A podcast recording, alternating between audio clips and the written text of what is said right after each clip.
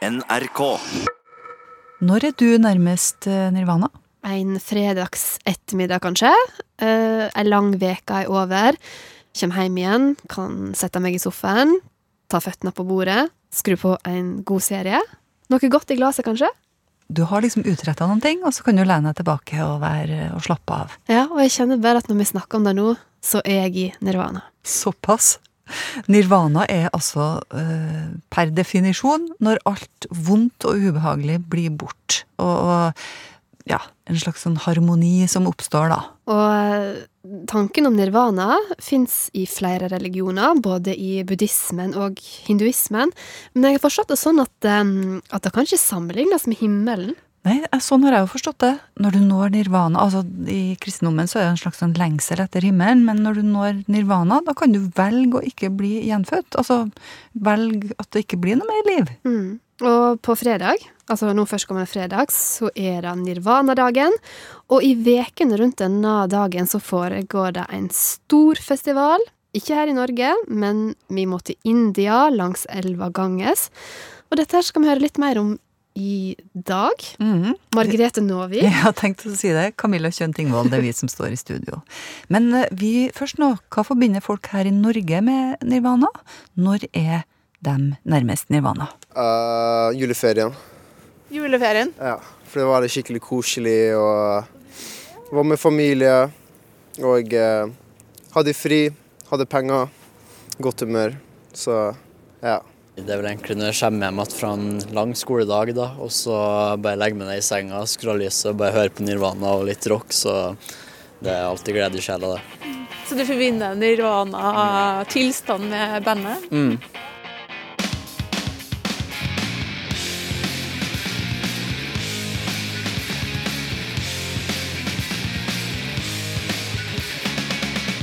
Eh, når du har eh, livet ditt under kontroll, at du har det meste under kontroll.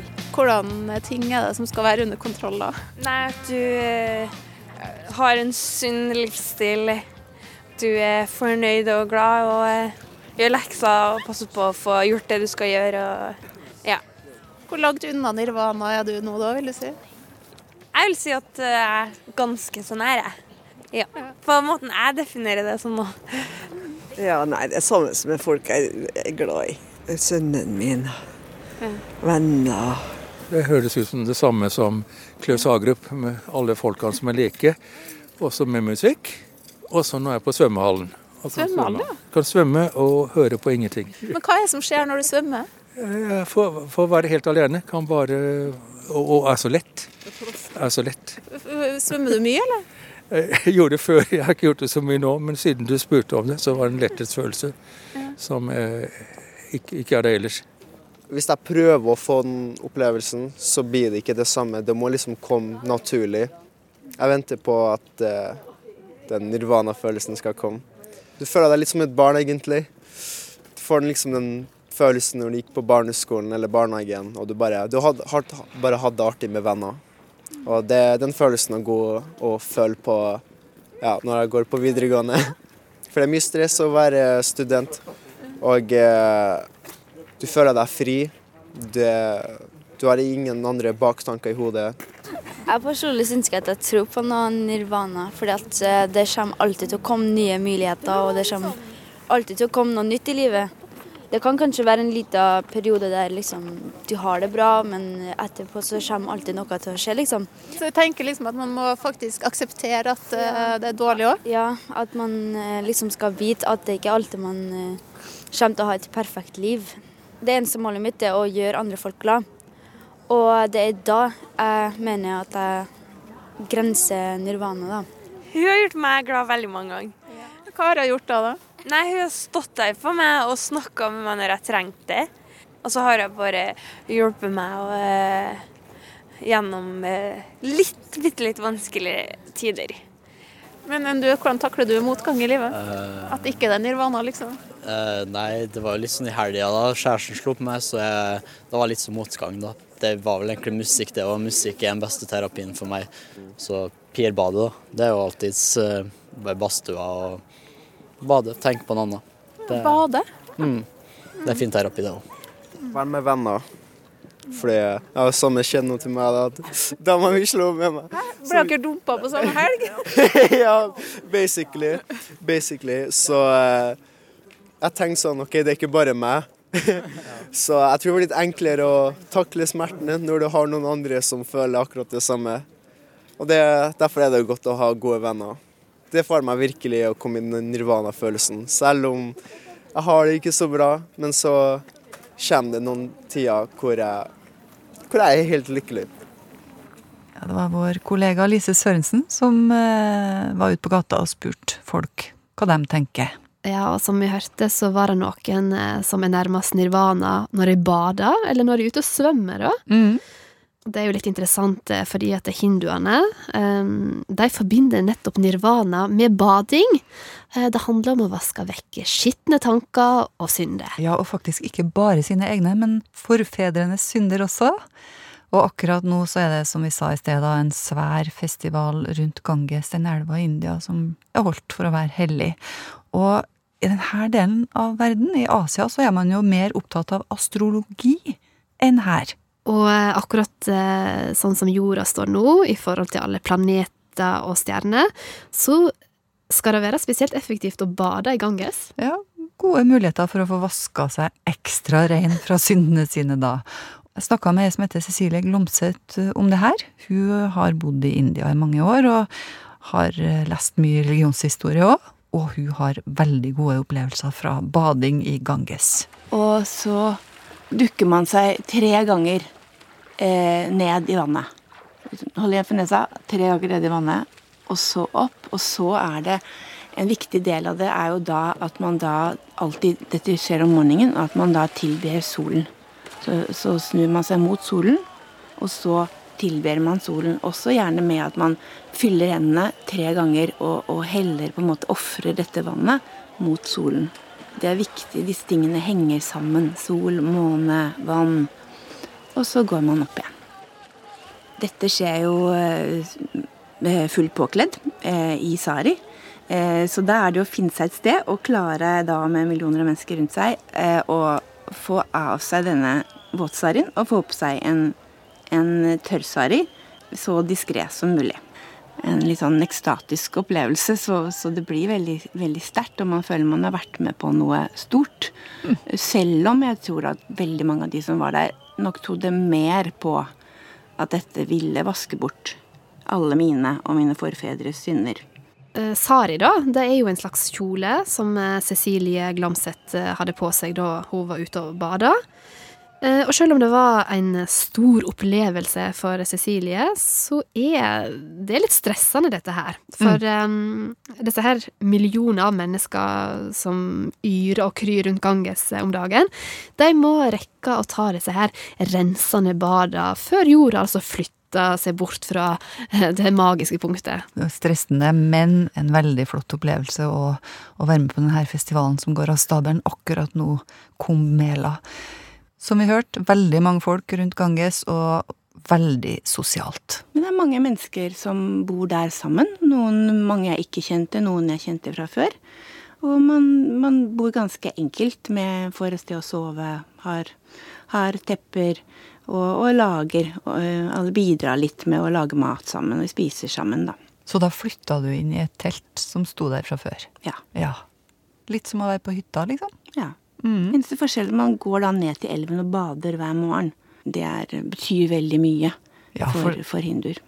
For eh, det å bade, det er en renselse, ikke bare som fysisk. Ja, absolutt. Det er en, en, en religiøs renselse, og, og det å kunne renses fra synd, og, og en viktig en, um, en viktig må, en måte man kan da oppnå nirvana på, eller komme ut av, av denne lidelsesverden og, og, og samsara, da.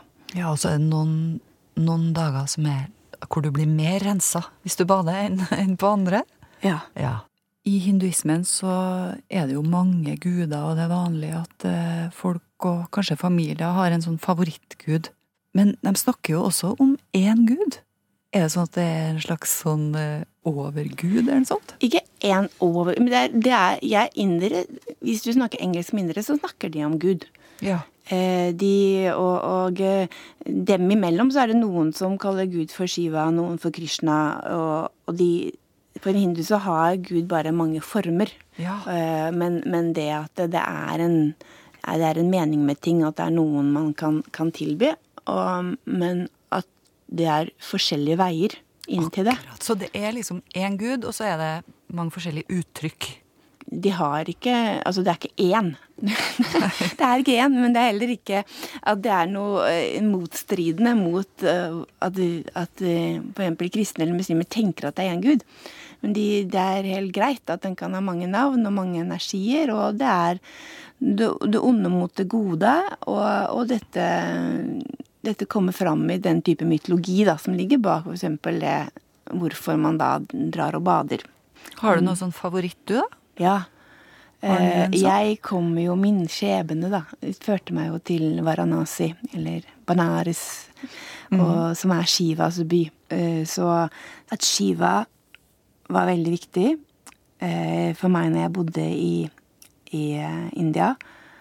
Eh, men den guden jeg fikk trøst av, det var jo Ganges. Å, så Ganges er en gud? Ja, hun er også en gud. Elva, altså. Eh, så, så hun eh, Elvene er også guddommelige. Og, og det med å, å, å kunne gå til Ganges og få trøst, og, og tenke på henne som en sånn kvinnelig, eh, sterk gudinne som kan ta imot alt som er vanskelig, og alt som er, eh, ikke er bra, og tilgi. Det er en annen måte å kunne nærme seg Gud på, og få det man kanskje kan trenge fra Gud. da. Altså det for meg å, å kunne gå ut i elven, og det er Det var ikke bare at jeg dyppet meg ned i vann, det er at elven beveger seg, og at, at det å føle seg, seg renset, da. At det be- Jeg behøver ikke å knytte det mot en spesiell religion, eller kalle meg hindu for det. Det er bare Det er en, en god følelse. Å gå gjennom en sånn type ritual, da. Høres ut som en veldig lite dømmende gud, hvis Ganges er en gud. Ja da. Nei, det, hun, hun tar til seg alt. Det er det, det som er liksom det paradokset med at eh, vi vil si at hun er så skitten. Altså hun er så forurenset. Men, men det er eh, Enhver hindu vil mene at, eh, at Ganges klarer å, å ta, ta til seg alt. Mm. mens nå er nok veldig, veldig mange indere veldig bekymret for, for Ganges. Ja. Og, og politisk så, så jobber de jo også konkret for Vi får håpe at de får til det, da. Å rense opp også den fysiske forurensningen. Ja. Men at hun er hellig, det er like hellig for hinduer, det er eh, helt sikkert. Ganges er skitten, men hellig er det altså. En gud, faktisk. Det var ikke jeg klar over, men det sier Cecilie Glomseth, som er religionshistoriker, som har bodd i India i mange år, og som ivrig da nå følger sine venner i India på sosiale medier. Når de legger ut badebilder og andre festivalbilder fra Kumbh Mela. Men det skal òg sies at eh, det er ikke bare positivt, eh, alt som skjer eh, i hinduismens navn nå om dagen. Cecilie forteller at vennene hennes rapporterer om at nasjonalisme blomstrer. Kanskje Ja. litt for masse? Ja, og den nye regjeringa mener vel at det å være inder, det er å være hindu.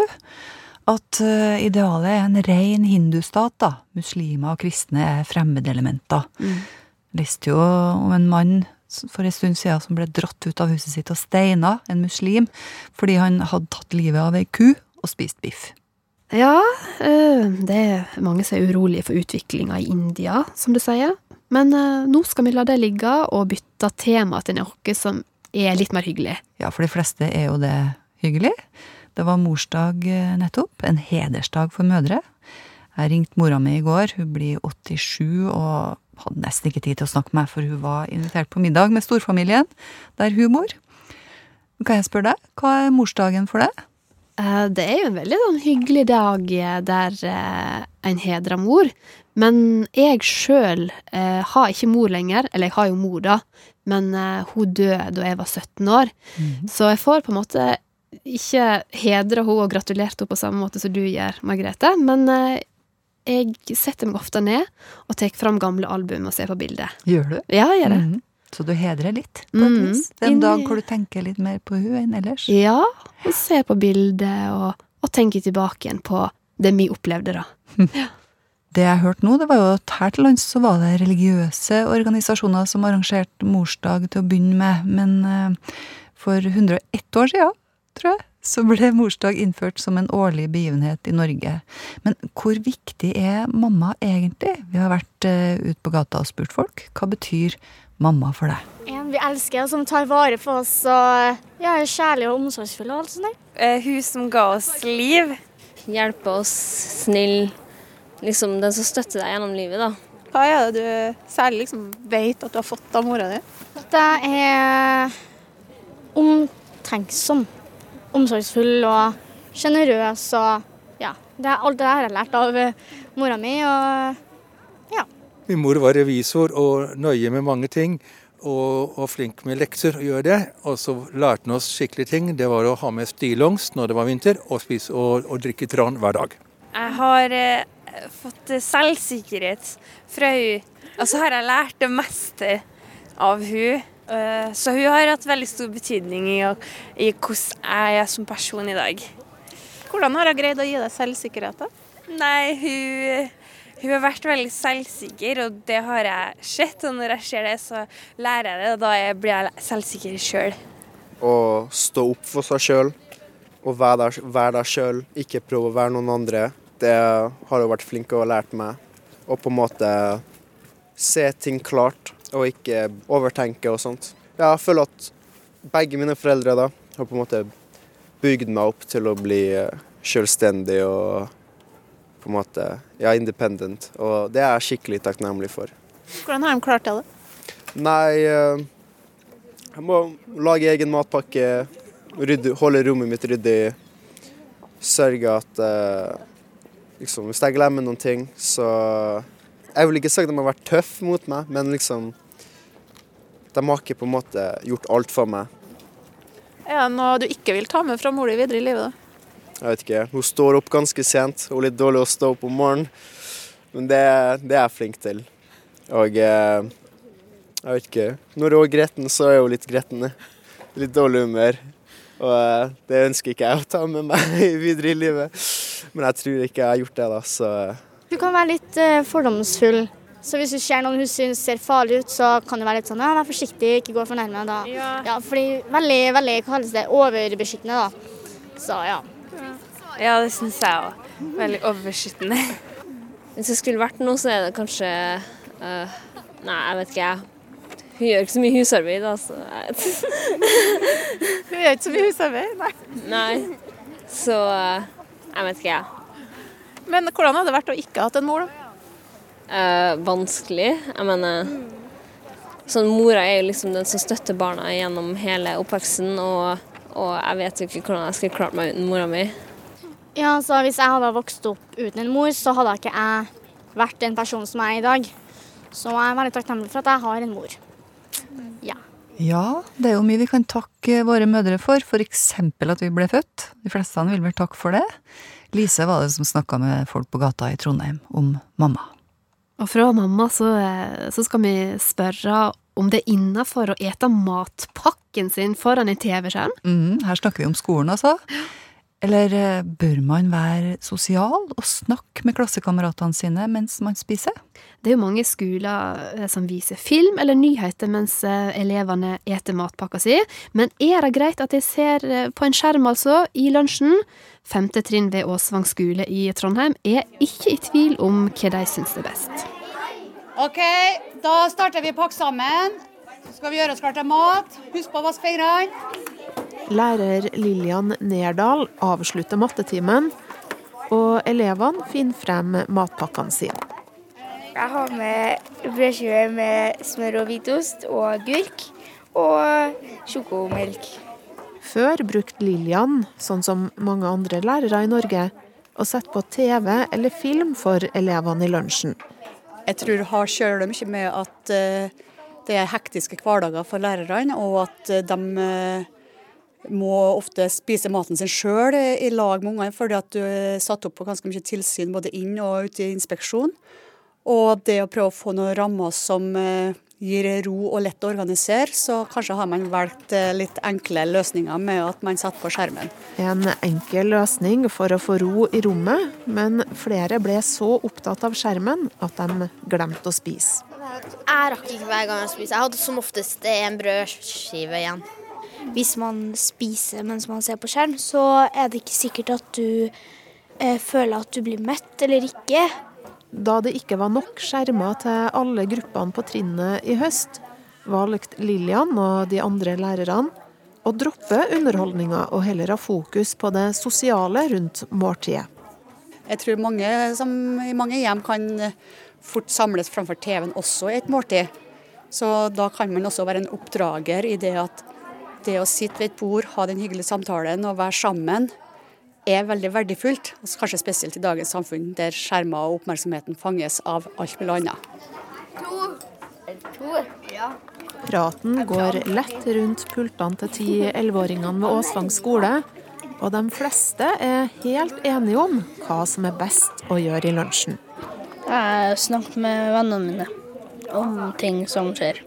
Da syns jeg da er det koselig. Snakk med venner. Av at Da får du snakke og vite mer om vennene dine, og da kan det hende at du vet mer enn hvor, hvorfor de er lei seg og hva de liker å gjøre og sånt. Det er liksom styrke vennskapet og, og liksom roe ned maten og sånt. Det er jo litt gøyere å snakke med andre i stedet for å se på TV. Og det er ganske mye bedre også. Det er ikke så bra å sitte og se på skjerm hele tida. Hva syns du om at skolen har kutta skjermen nå? Jeg syns det er ganske bra. Fordi man ser jo nok på skjerm når man er hjemme og sånt. Og da er det ikke lurt å se på skjerm på skolen også.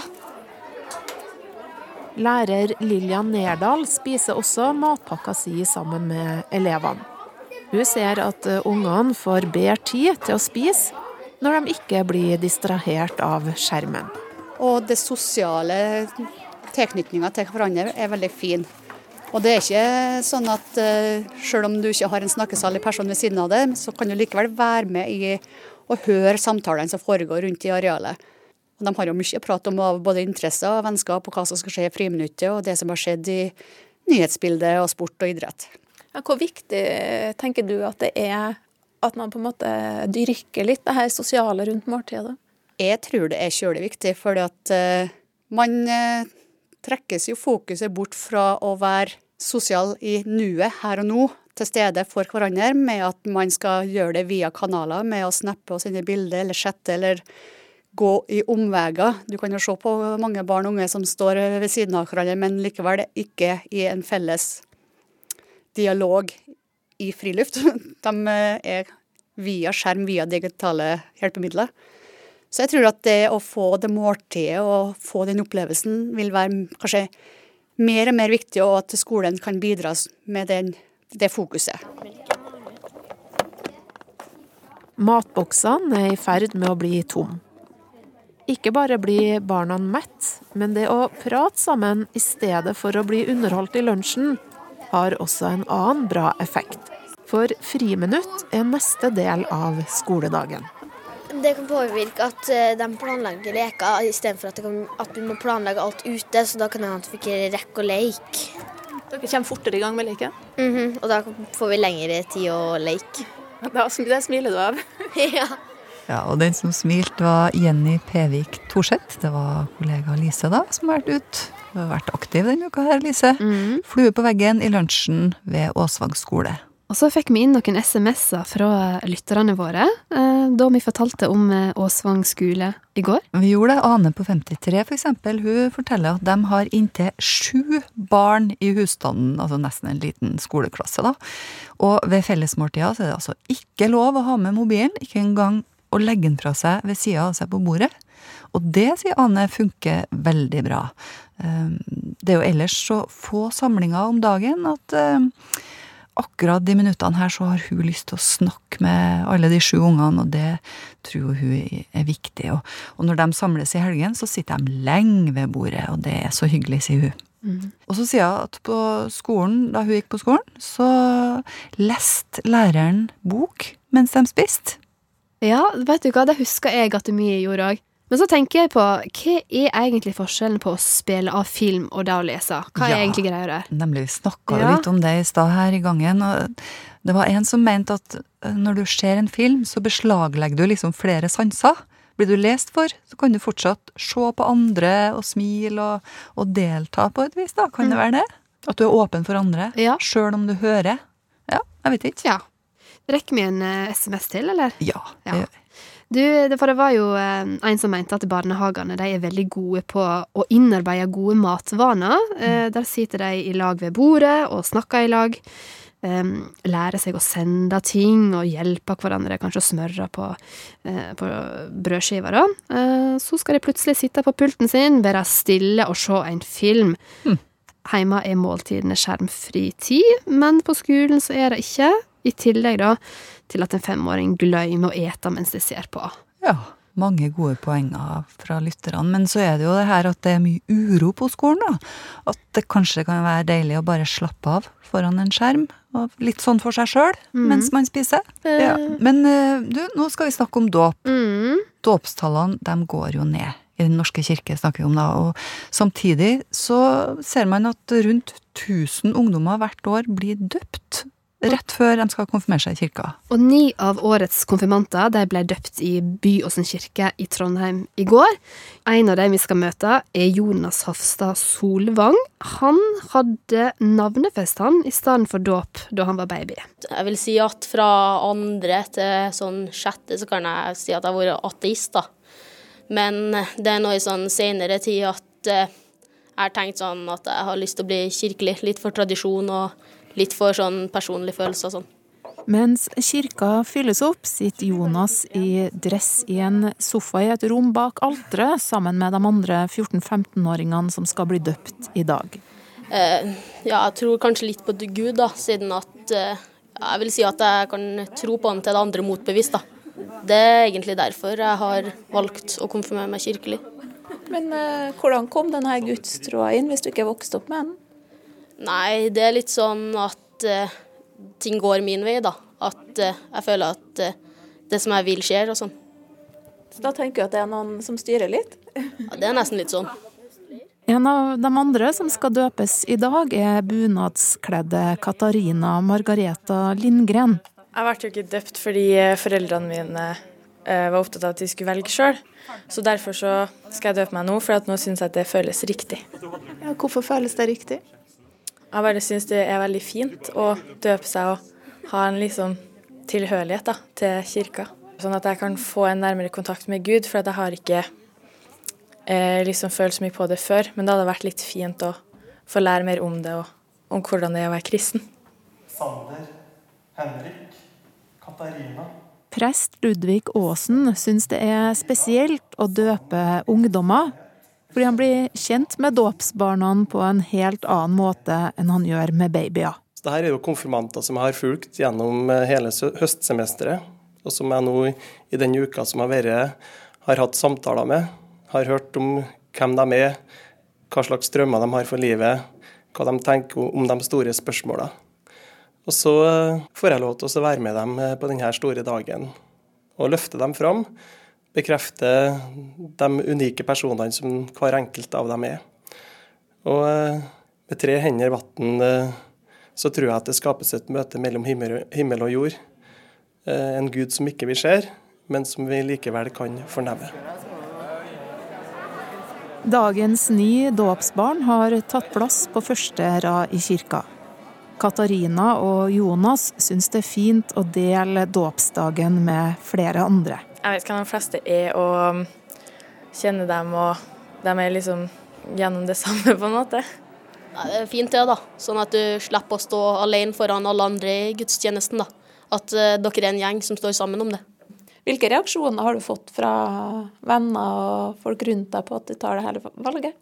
Ja, Det er jo noen som visste at jeg ikke var døpt, da, så det kom ikke som et sjokk for alle at jeg skulle bare plutselig døpe meg. Men eh, ja, det var noen som ble litt sånn overraska. Det er jo noen av vennene mine som også skal konfirmere seg i kirka, så de er liksom sånn Å ja, må du døpe deg? Fordi det var ikke så mange som visste om det. At man liksom måtte være døpt for å konfirmere seg i kirka. Hva heter du? Jonas? vil du bli døpt til Faderens og Sønnens og Den hellige ånds navn, og leve i den kristne forsakelse og tro. Ja. Å stå oppå der da, og så bli døpt, så blir du liksom medlem av noe. Og så, som Katarina sa, at du får en tilhørighet, da. Som er ganske fint. Jonas bøyer seg over døpefonten. Jonas, etter vår Herre Jesu Kristi ord og befaling, døper jeg deg til Faderens, Sønnens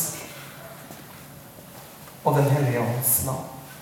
Videre i dag, ja, da har vi er vel sånn eh, feiring da, hjem til meg med 20 stykker fra familien. Så skal vi spise sodd, da.